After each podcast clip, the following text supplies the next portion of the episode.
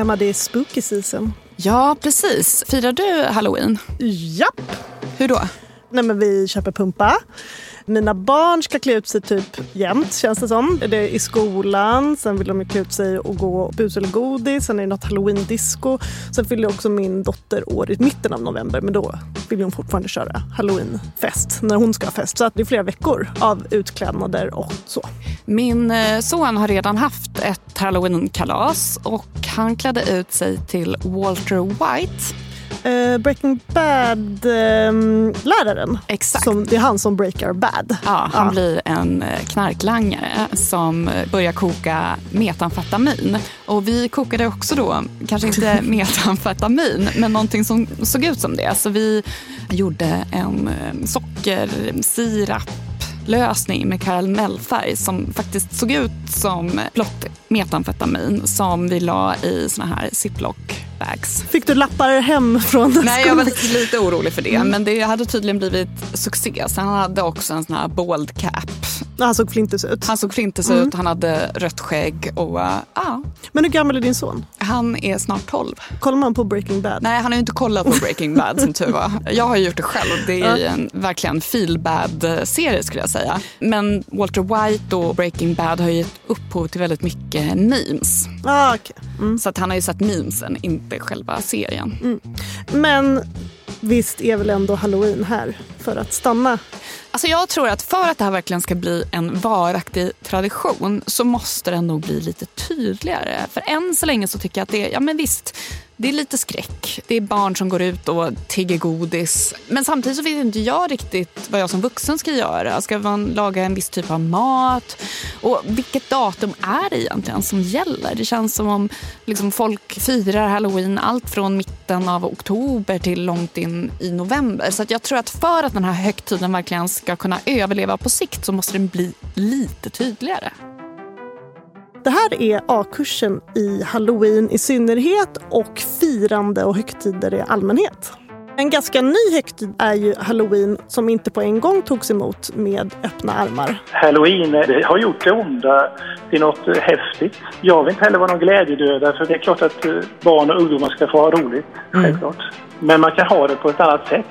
Men kritiken har ju varit ganska spretig. Vissa har ju tyckt liksom att man ska inte hålla på att skoja om det här med liksom spöken och skelett och hemska saker. Små barn är inte mogna för att begripa att det vi ser nu som är väldigt skrämmande är ett sätt att driva med adeln eller överheten eller kyrkan. Nej, men det är däremot ett sätt att konkretisera rädsla och mörker istället för att tänka på att jorden kommer att gå under miljöförstöring som är väldigt abstrakt och väldigt svårt att hantera känslomässigt. För det ju en av poängerna med att närma sig det skrämmande är ju för att man får ett ansikte på det. Andra pekar mer på att ja, men det här är ju bara någonting som är orkestrerat av handeln. Det är liksom en kommersiell, ganska osmaklig högtid. Det är för mycket plast. Det är liksom estetiskt inte någonting som man vill anamma. Kanske också att den här vackra allhelgonahelgen där vi ska tänka på våra avlidna älskade smutsas ner av att hålla på och pynta med skelett och eh, blod och gegg. Från Buttricks sida har jag alltid kämpat för att eh, man ska förstå att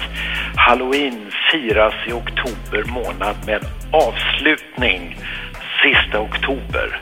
Och därmed så krockar man inte med allhelgonahelgen som ju firas första helgen i november. Och vi som tar oss igenom denna skräckinjagande högtid är jag, Clara Wallin.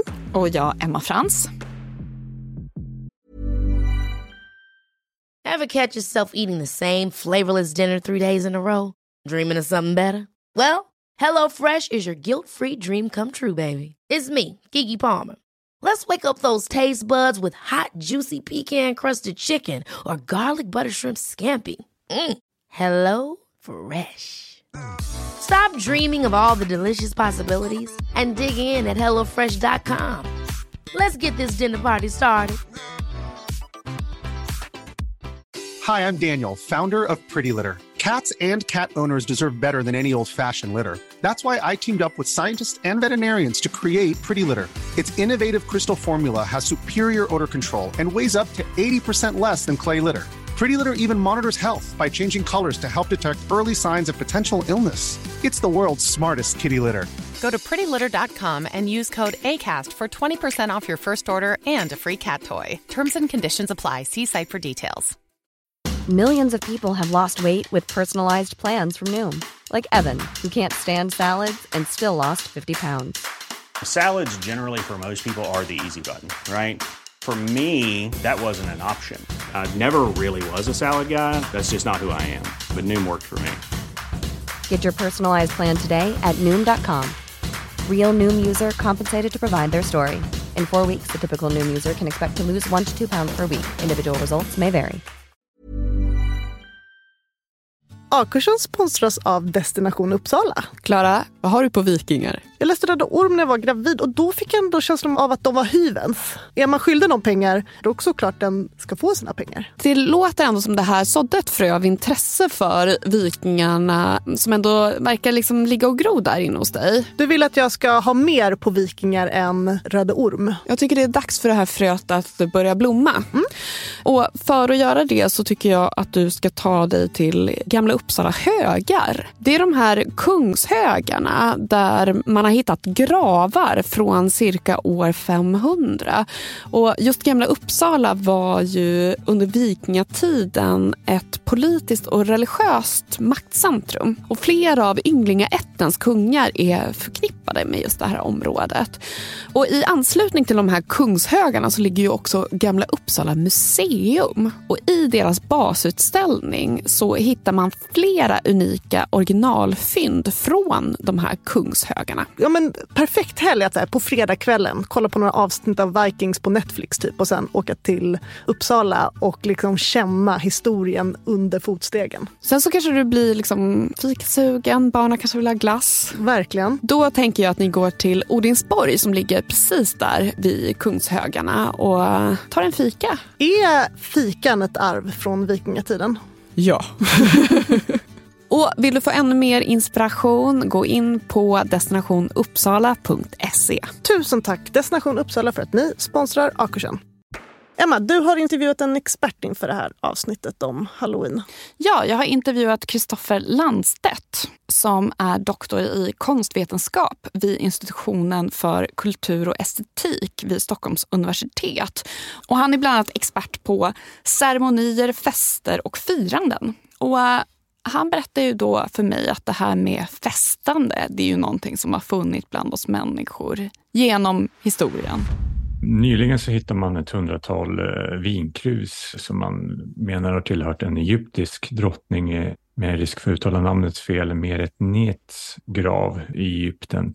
Och tillverkningen av vin, den är ännu äldre, men då har man i alla fall de här då, cirka 5000 år gamla eh, vinkrusen då, som fortfarande innehåller spår av vin till och med. Och det visar ju att det har funnits en utbredd vinkonsumtion eftersom det är så stort antal också. De här då har följt med henne i graven och det i sig indikerar ju att det är kopplat till en form av rit, vilket ofta hänger samman med festligheter också. Så, så länge man har eh, på något sätt brukat berusningsmedel i någon form också så, så kan man absolut koppla det till fest. Men skulle du säga att festandet har förändrats över tid? Ja, på ungefär samma sätt som firanden och festligheter har ändrats över tid och skiljer sig åt mellan olika kulturer och olika platser så har ju också då festformerna kommit att ändras. Så det går att härleda väldigt specifikt till olika tider, olika platser, olika kulturer. Och är det här liksom beroende på hur samhället ser ut i övrigt? Alltså att vissa typer av samhällen kräver en viss typ av festligheter? Ja, just med anledning av att det är kopplat till eh, religiösa seder och i många fall också då ceremonier, firanden av olika slag.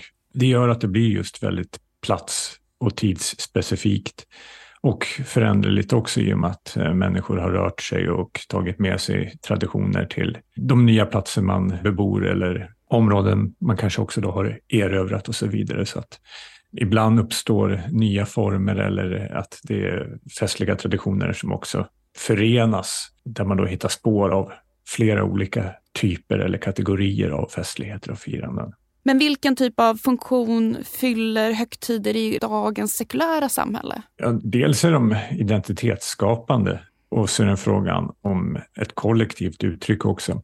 Och om man tänker sig i ett sekulärt sammanhang att högtider ska minska i betydelse och kanske försvinna rent utav. Men jag tror att behovet finns ändå. Det är på något sätt allmänmänskligt också. Alla helgons dag, allhelgonadagen, alla själars dag och halloween. Det är lite rörigt att hålla isär alla de här olika dagarna som har med helgon, själar och spöken att göra. För de ligger ju väldigt nära varandra i almanackan där i månadsskiftet oktober-november. De högtider som uppmärksammas mest är helgdagen Alla helgons dag, alltså lördagen som infaller mellan den 31 oktober och 6 november, och halloween som alltid firas den 31 oktober. Men utöver dem firas inom kyrkan även den ursprungliga allhelgonadagen den 1 november och alla själars dag söndagen efter alla helgons dag enligt Svenska kyrkan eller den 2 november enligt romersk-katolsk tradition. För mig personligen så har inte allhelgona inneburit några särskilda riter eller specifik mat och det är liksom ganska, vad ska man säga, svag tradition. Eller vi har liksom inte en jättestark relation till det. Är det därför halloween nästan har lyckats konkurrera ut allhelgona bland yngre människor? Det tror jag absolut. Det är nog både en enkel men väldigt korrekt förklaring. Traditioner som inte är särskilt djupt förankrade i samhället eller firas i breda lager tenderar att successivt kanske försvinna eller integreras med någon annan form av firande.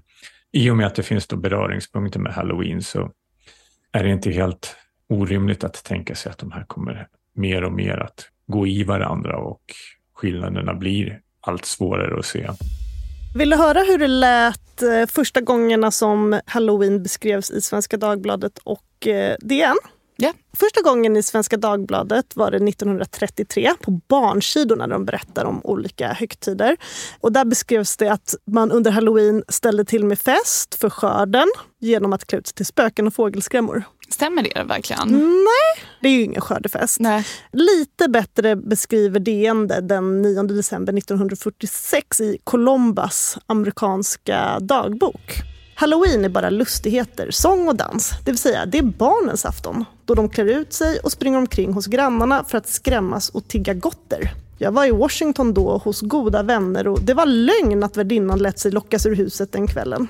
Åh nej, då måste man stanna hemma och vakta huset och ha karameller till hands. Annars händer det att man får fönsterrutor inslagna av besvikna busgrabbar. Det ringde också ideligen på villans dörr och maskerade män i 8-15 års åldern trängde in i små band och begärde nog så beskedligt lösen. De fick popcorn och äpplen och tackade artigt.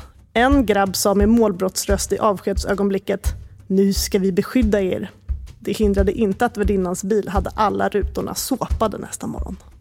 Det tycker jag var bättre. Ja, mycket bättre. En... De hade varit på plats märkte man. Ja, mm. precis. Och så här vet vi ju också att eh, halloween firas i mångt och mycket i USA. Men var kommer den här traditionen ifrån? Ja, det här var ju någonting som Kristoffer Landstedt hjälpte mig att reda ut ursprunget brukar man härleda till Irland och Skottland och sen då i den mera populärkulturella formen så som man firar den i Sverige så är det ju att den har tagit sig då via Nordamerika eller USA då. Och det är då främst via irländska emigranter som emigrerade till Nordamerika under 1800-talet och då kanske främst 1840-talet som var ju en konsekvens av den stora svälten i Irland. Och alltsedan dess så har ju halloween spridit sig och kanske då först och främst inom engelsktalande nationer. De har benämnt det som All Halloween och All Hallows Eve och All Saints Eve. Men det är inte synonymt med det man i Sverige benämner som eh, allhelgonadagen eller allhelgonahelgen, utan det är en separat högtid helt och hållet. Om man ska backa bandet ytterligare så tror man att halloween har uppstått i samband med då kelternas kontakt med vikingarna eventuellt. Och det ska då ha skett när vikingarna kom till Storbritannien och Irland och förde med sig traditioner och eh, sedvänjor och då kanske främst den här eh, traditionen som heter höstblot. Och eh, det här hänger ihop med då att vikingarna kom att vara en härskande grupp eller klass under en längre tid i stora områden eller delar av de brittiska öarna. Och sen då så har det här successivt kommit att anpassas och förändrats. Och då ser man det som en slags kombination av då den keltiska högtiden Sovin och då vikingarnas höstblot. Det här är ju helt mindblowing att halloween har liksom gått Varvet runt. Varvet runt. Det är tillbaka. Det är på hemmaplan igen. Ja, det kanske inte riktigt såg ut som det gör nu. Det har jag väldigt svårt att tänka mig. Vikingarna, att, att vikingarna gick till Buttricks och köpte lite plast. Karvade ut pumpor. Nej, Nej, så kanske inte riktigt var. Men det är ju spännande. Det är ju verkligen en cocktail av massa olika typer av traditioner som har nu liksom blivit till den halloween som vi känner idag. Och Det här är ju någonting som man generellt har kunnat se att olika typer av traditioner påverkas av hur det ser ut i samhället vid en viss tidpunkt och vilken typ av länder som influerar oss. Och Halloween är ju importerat från USA men tidigare så har det ju funnits andra delar av världen som har varit inflytelserika i att skapa de traditioner som vi idag ser som typiskt svenska. Det finns tämligen få högtider som firas i lite mer breda lager som är helt och hållet eller har sitt tydliga ursprung i Sverige eller i Norden. Men eh, det bästa exemplet på det, det är midsommarafton som är relativt opåverkat från andra länder eller andra kulturer utan som är ett nordiskt fenomen i väldigt hög utsträckning. Men annars så har väl kanske det land eller det område som har påverkat mest är dagens Tyskland.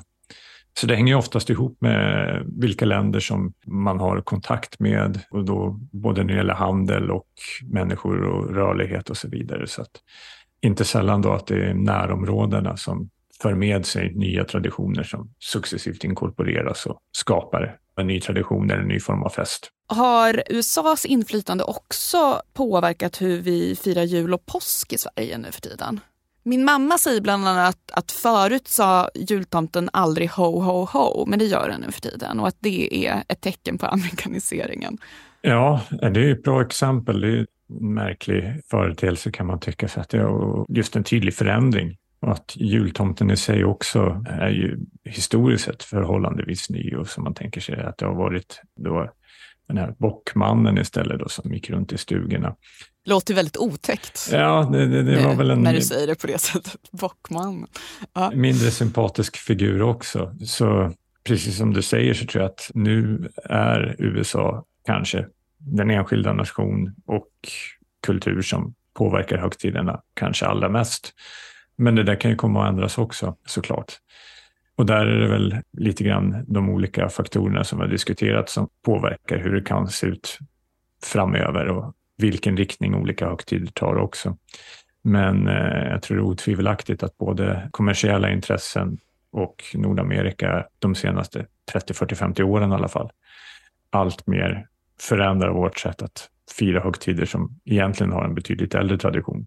Och att vi nu inspireras av nordamerikanska högtider är kanske inte så konstigt med tanke på att vi har väldigt mycket den populärkulturen runt omkring oss. Ja, så är det absolut. Utan de populärkulturella fenomenen och alltifrån då, om man tänker sig musik, film, mode, vetskapen om eh, just det amerikanska samhället och att kanske då just USA är den stora populärkulturella påverkande nationen har varit under, ja, vad ska man säga, de senaste 20 åren kanske. Det har ju absolut givit vind i seglen till ett fenomen som halloween. Jag tror det kanske inte hade sett ut på samma sätt annars.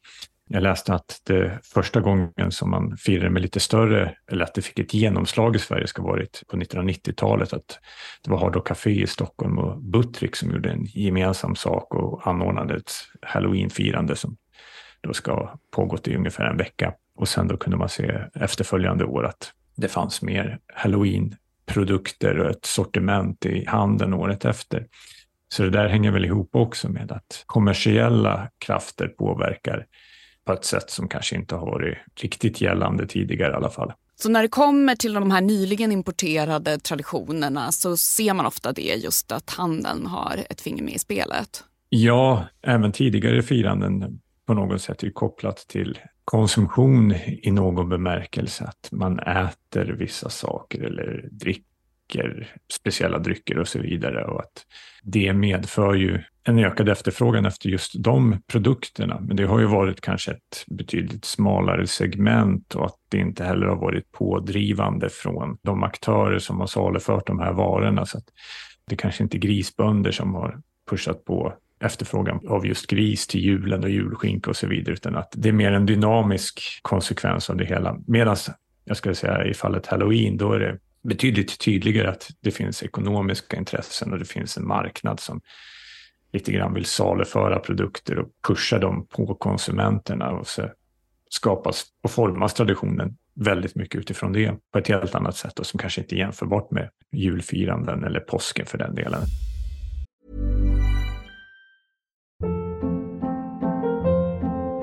Hold up. What was that? Boring. No flavor. That was as bad as those leftovers you ate all week. Kiki Palmer here, and it's time to say hello to something fresh and guilt-free. Hello Fresh. Jazz up dinner with pecan-crusted chicken or garlic butter shrimp scampi. Now that's music to my mouth. Hello Fresh. Let's get this dinner party started. Discover all the delicious possibilities at hellofresh.com.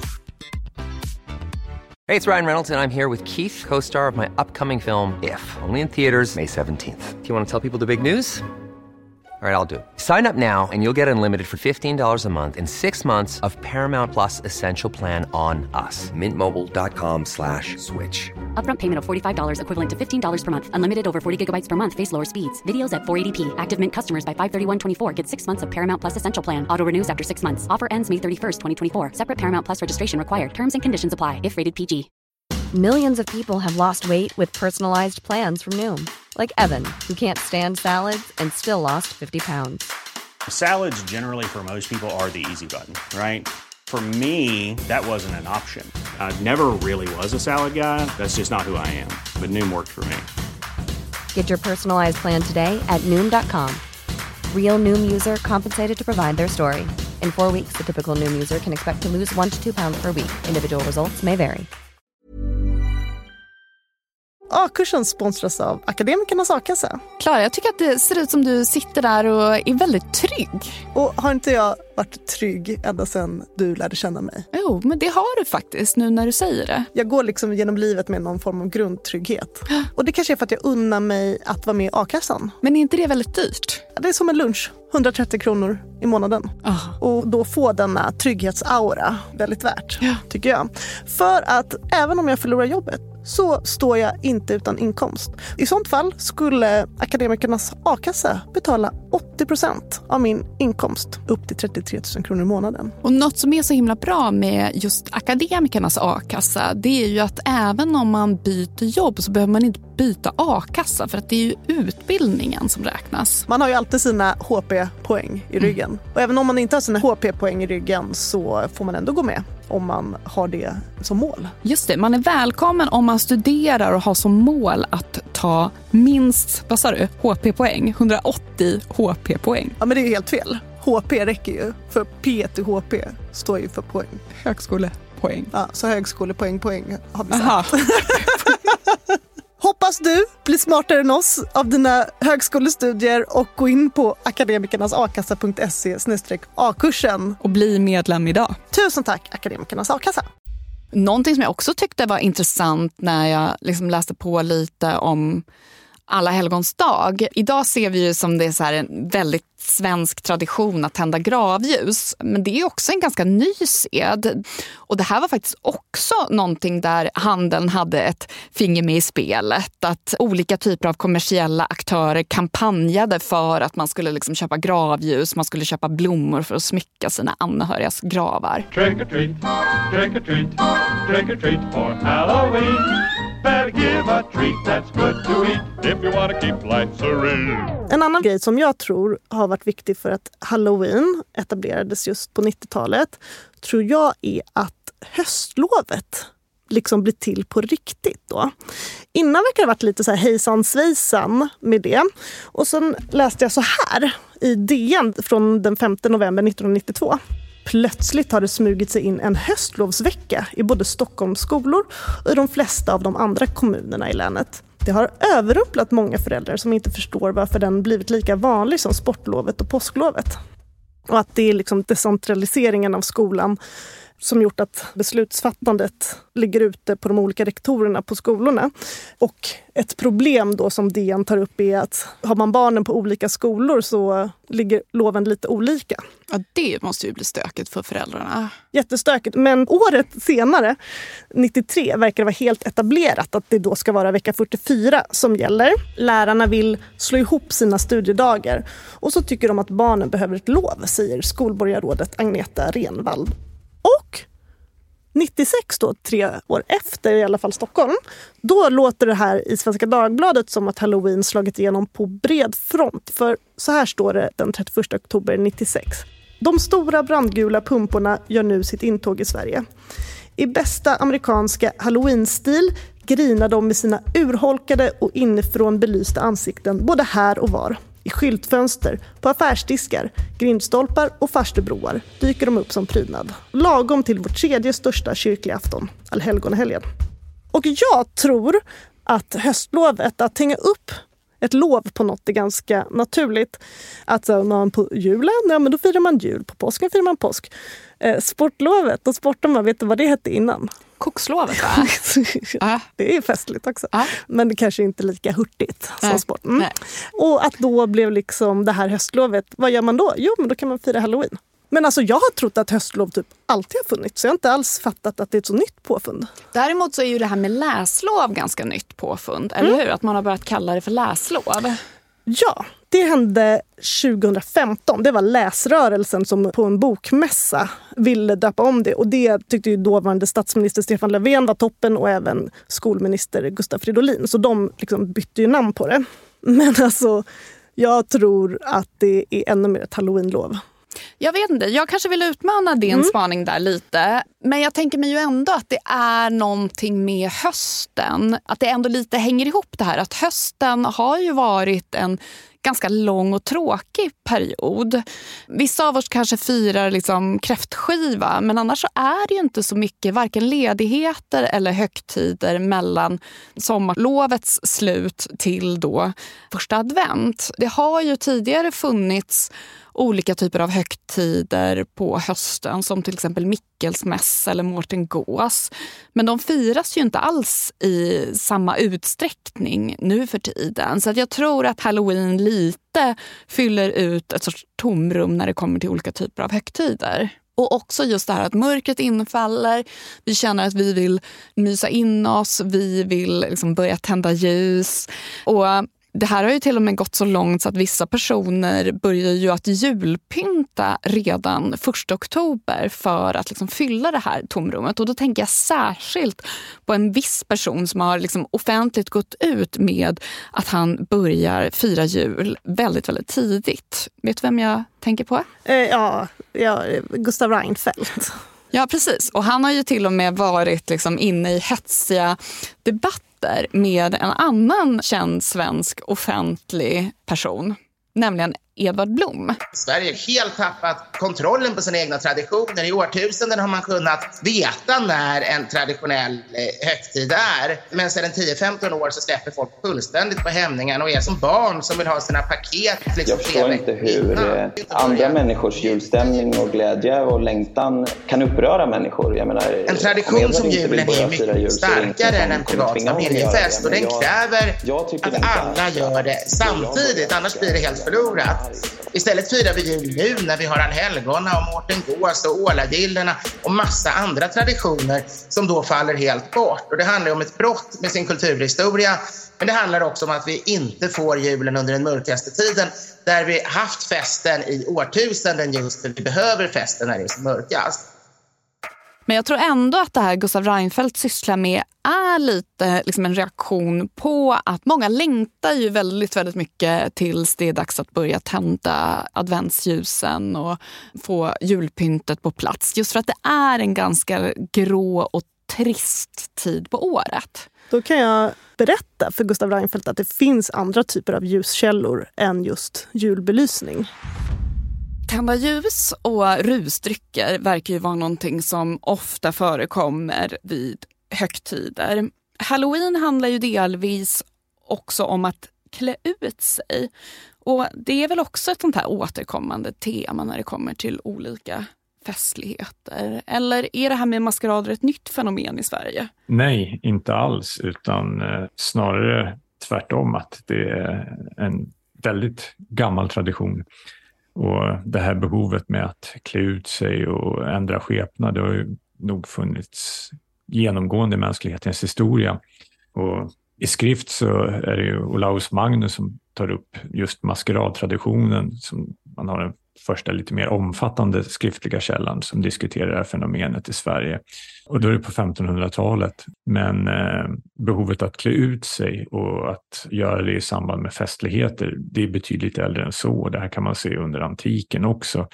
Och oftast hänger det ihop med att man under en begränsad tid ändrar och omkullkastar samhällsordningen också så man kan iklä sig rollen av att vara någon annan från en annan samhällsgren helt enkelt så att man kan anta rollen av att ha en maktposition som man inte har och så vidare. Och det kunde handla då till exempel om att en senator under en bankett serverade vin och låtsades vara en tjänare eller slav till exempel medan då tjänaren eller slaven kunde till exempel klä ut sig till senator eller till kanske kejsare till och med. Men då har det också funnits, och det är troligtvis en tradition som är betydligt äldre än så, så att jag tror att det hänger väldigt mycket ihop med ett mänskligt behov av att för en stund få vara någon annan. Och det ser man också, just Olaus Magnus diskuterade vad folk klädde ut sig till och det kunde ofta vara djur och föremål och ting och så vidare. Så att det behövde inte vara att man bytte samhällsposition eller kön eller någonting sådant, utan det kunde vara likväl att man var en gran eller klädde ut sig i tidningar eller något sådant också. Första gången jag firade halloween så klädde jag ut mig till Bill Clinton. När var det här då? Hur gammal var du? Jag, tror, alltså jag försökte hitta bilden, äh. men jag hittade den inte. Men jag hittade den här bilden. Det är en pumpa? Ja, och jag bredvid. Hur gammal är du på den här bilden? Här då? Tonåring? 12. Ah, ja, okej. Okay. Ah, ja. det, det, här är 98. Men då var du ganska tidig. Ja, men det var på 90-talet. Ja, jo i och för sig. Och jag tror att det var samma år jag klädde ut mig till Bill Clinton. Och min kusin hon klädde ut sig till paket för det var bara att ta ett kartong. Så gick vi runt och ringde på hos folk och ingen fattade någonting. Nej, ingen, hade de godis hemma då? Ja, kanske någon. någon Men det var mest att vi bara skämdes jättemycket. Men någonting som också då jag tycker att man ibland får höra i samband med halloween, det är ju kritik mot olika typer av halloweendräkter. Mm. Jag minns ju själv någon gång som barn när jag klädde ut mig till indianflicka. Ja, gud, det har man gjort så många gånger. Eller hur? Men det kan man ju inte riktigt göra längre. Eller? Skulle du klä ut din dotter till det? Alltså jag klädde ut min son till Walter White så jag ska verkligen inte sitta här på några höga hästar och säga vad man får och inte får göra. Men man kan nog i alla fall vara beredd på att man kan få kritik för kulturell appropriering om man då skulle klä ut sig till ursprungsbefolkning. Mm. Det är bara Roger Pontare som på något sätt lyckas komma undan. Also tonight, Canada's Prime Minister Justin Trudeau facing outrage as picture after picture is discovered showing him in blackface. Kanadas premiärminister Justin Trudeau verkar ju ha en sorts förkärlek för att ha blackface. Trudeau came out to apologize for one blackface and ended up admitting to more. Han har ju också blivit anklagad för brownface. Han har klätt ut sig till Aladdin. Det hade varit bättre om han klädde ut sig till anden. Det är lättare att komma undan och, och vara blå. blå. Mm. Mm. Sen så finns det också de som har då klätt ut sig till offer för olika typer av terrordåd. Bland annat då var det en kvinna som fick mycket kritik efter att ha klätt ut sig till ett av offren som dödades i terrordådet mot Boston Marathon. Ja, så hon hade klätt ut sig i liksom löparkläder och eh, blod. blod. Ja, exakt. Mm. Och det var mm -hmm. väl mhm. också lite en sån här too soon-varning tänker jag. Att det var inte så långt efter att det här dådet hade skett. Okay. Det här bombdådet det inträffade då på våren i april 2013 och det var då samma år på halloween som den här kvinnan då klädde ut sig till ett av offren. Nej men det är inte så kul. Det är bara att tänka så här, om vi nu denna halloween, så här, jag sätter på mig en Sverige-tröja med skotthår. Alltså det hade ju varit vidrigt. Det är ju inte kul alls. Nej. Mer förvånande kanske det är då att sångerskan Adele fick väldigt mycket kritik efter att hon hållit då en 30-årsfest med Titanic-maskeradtema. Ja, det tycker jag var känsligt. Det är lite känsligt. Ja. Det borde ändå ha varit tillräckligt många generationer som har gått för att man skulle kunna ha den typen Det av kan tema. inte vara ett öppet sår för någon som råkar ta del av Nej. de bilderna. Men samtidigt måste vi också komma ihåg att vi lever i en tid där man inte riktigt kan göra alla nöjda. Mm. Och då kanske man får leva med det. Att väljer man ett sånt tema så kanske det alltid kommer vara någon som blir upprörd över det. Men att man kanske inte ska låta dem styra exakt hur man väljer att festa. Däremot så tror jag liksom just det här med, är man lite osäker på om någonting är blackface eller brownface så tycker jag ändå att det är bättre att avstå. Ja, alltså det finns så himla många andra färger man kan måla sig i. Ja. Tänk regnbåge Ja. istället för olika typer av eh, hudnyans. Men jag tycker att jag har sett liksom bland studenter och unga vuxna idag att det är lite att man börjar klä ut sig mer igen på ett sätt som man inte alls gjorde när jag var yngre. Nej, det stämmer nog väldigt bra att man kan skönja en förändring där. Och det kan man nog delvis koppla till den så kallade cosplaykulturen också. Det är inte lika dyrt heller att köpa dräkter och många är också väldigt kreativa på att skapa mycket själva och så vidare. Så att, och där har väl sociala medier och Youtube varit avgörande och fortsätter att påverka i väldigt hög utsträckning så tillvida att man kan snappa upp instruktioner hur man ska utforma olika kostymer eller dräkter eller vad det än kan vara. Så att det gör det enklare också. Maskeradernas återkomst kanske. Ja, ja men någonstans. Jag tror att eh, jag är mitten 80-talist och någonstans i mina tonår så kanske ansågs som lite töntigt också att klä ut sig. Att det var otänkbart på grund av det helt enkelt. Men att det där har förändrats och det är på väg tillbaka nu. Och ja, som sagt för det hänger nog ihop det där med att det finns ett mänskligt behov av att anta en annan skepnad och vara någon annan. Om än för en begränsad period. Någon som verkligen älskade maskerader var ju Gustav III. Och du vet ju säkert hur det gick för Gustav III också på en maskeradbal. Han blev skjuten. Det måste ju vara den mest kända festen nästan i svensk historia. Mm. I alla fall den mest kända maskeraden. Ja men verkligen. Och det fanns ju komplotter liksom, som pågick i Stockholm om att mörda honom. Och först tänkte de, ja den här maskeradbalen 2 mars 1792, ska vi mörda honom då? Men då var det lite för få gäster. Så att då tänkte de, vi tar den här om två veckor istället. Den 16 mars. Jag menar bara, det var ganska frekvent.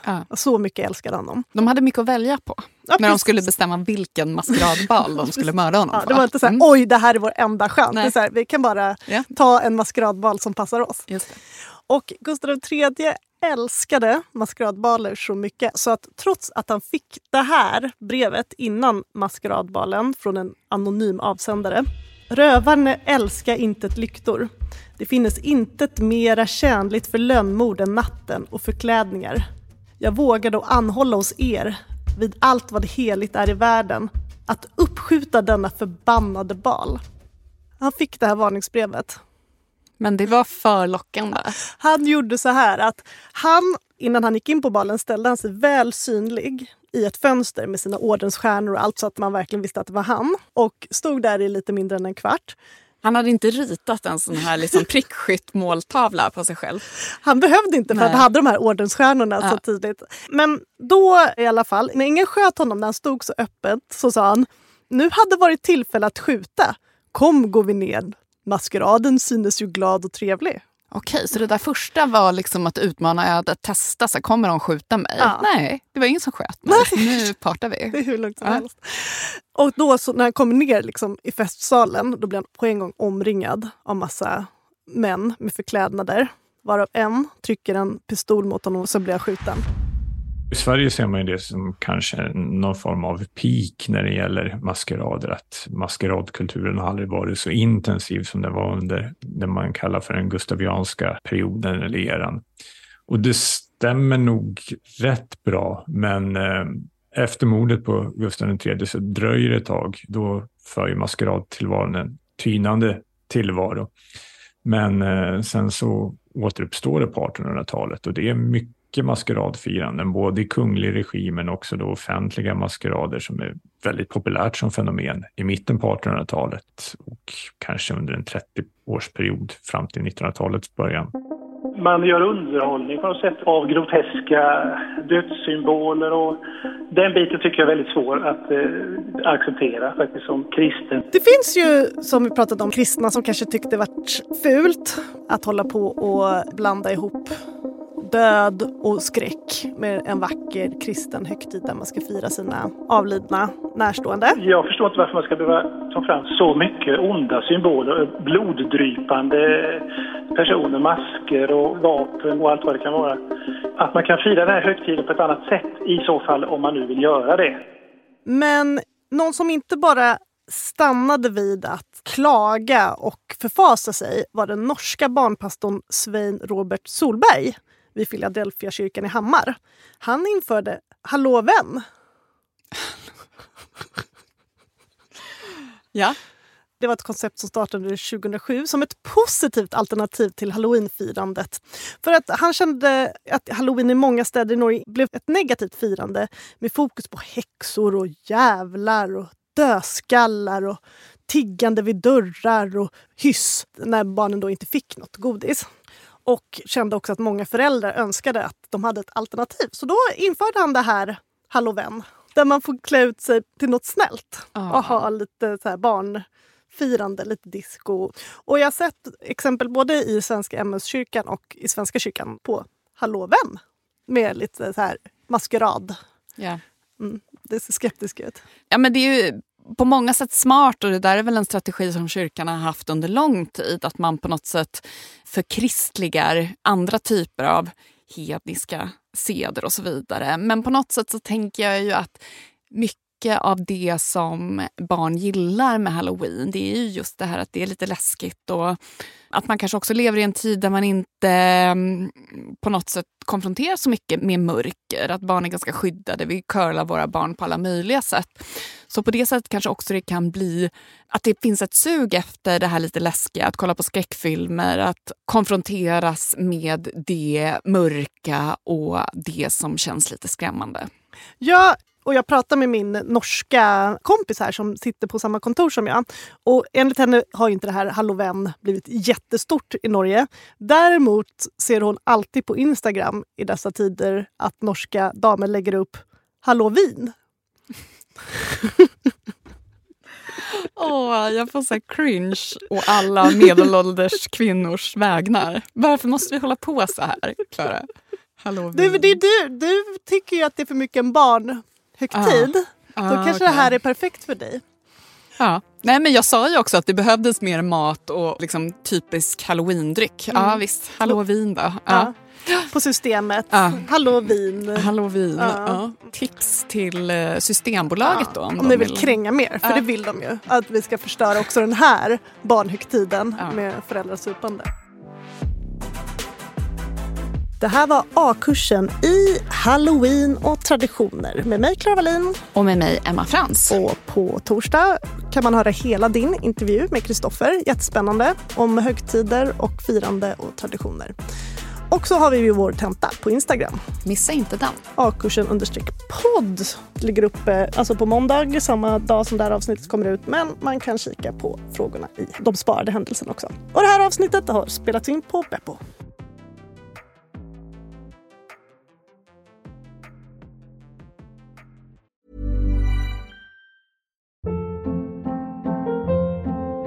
Hold up. What was that? Boring. No flavor. That was as bad as those leftovers you ate all week. Kiki Palmer here, and it's time to say hello to something fresh and guilt-free. Hello Fresh. Jazz up dinner with pecan-crusted chicken or garlic butter shrimp scampi. Now that's music to my mouth. Hello Fresh. Let's get this dinner party started. Discover all the delicious possibilities at hellofresh.com.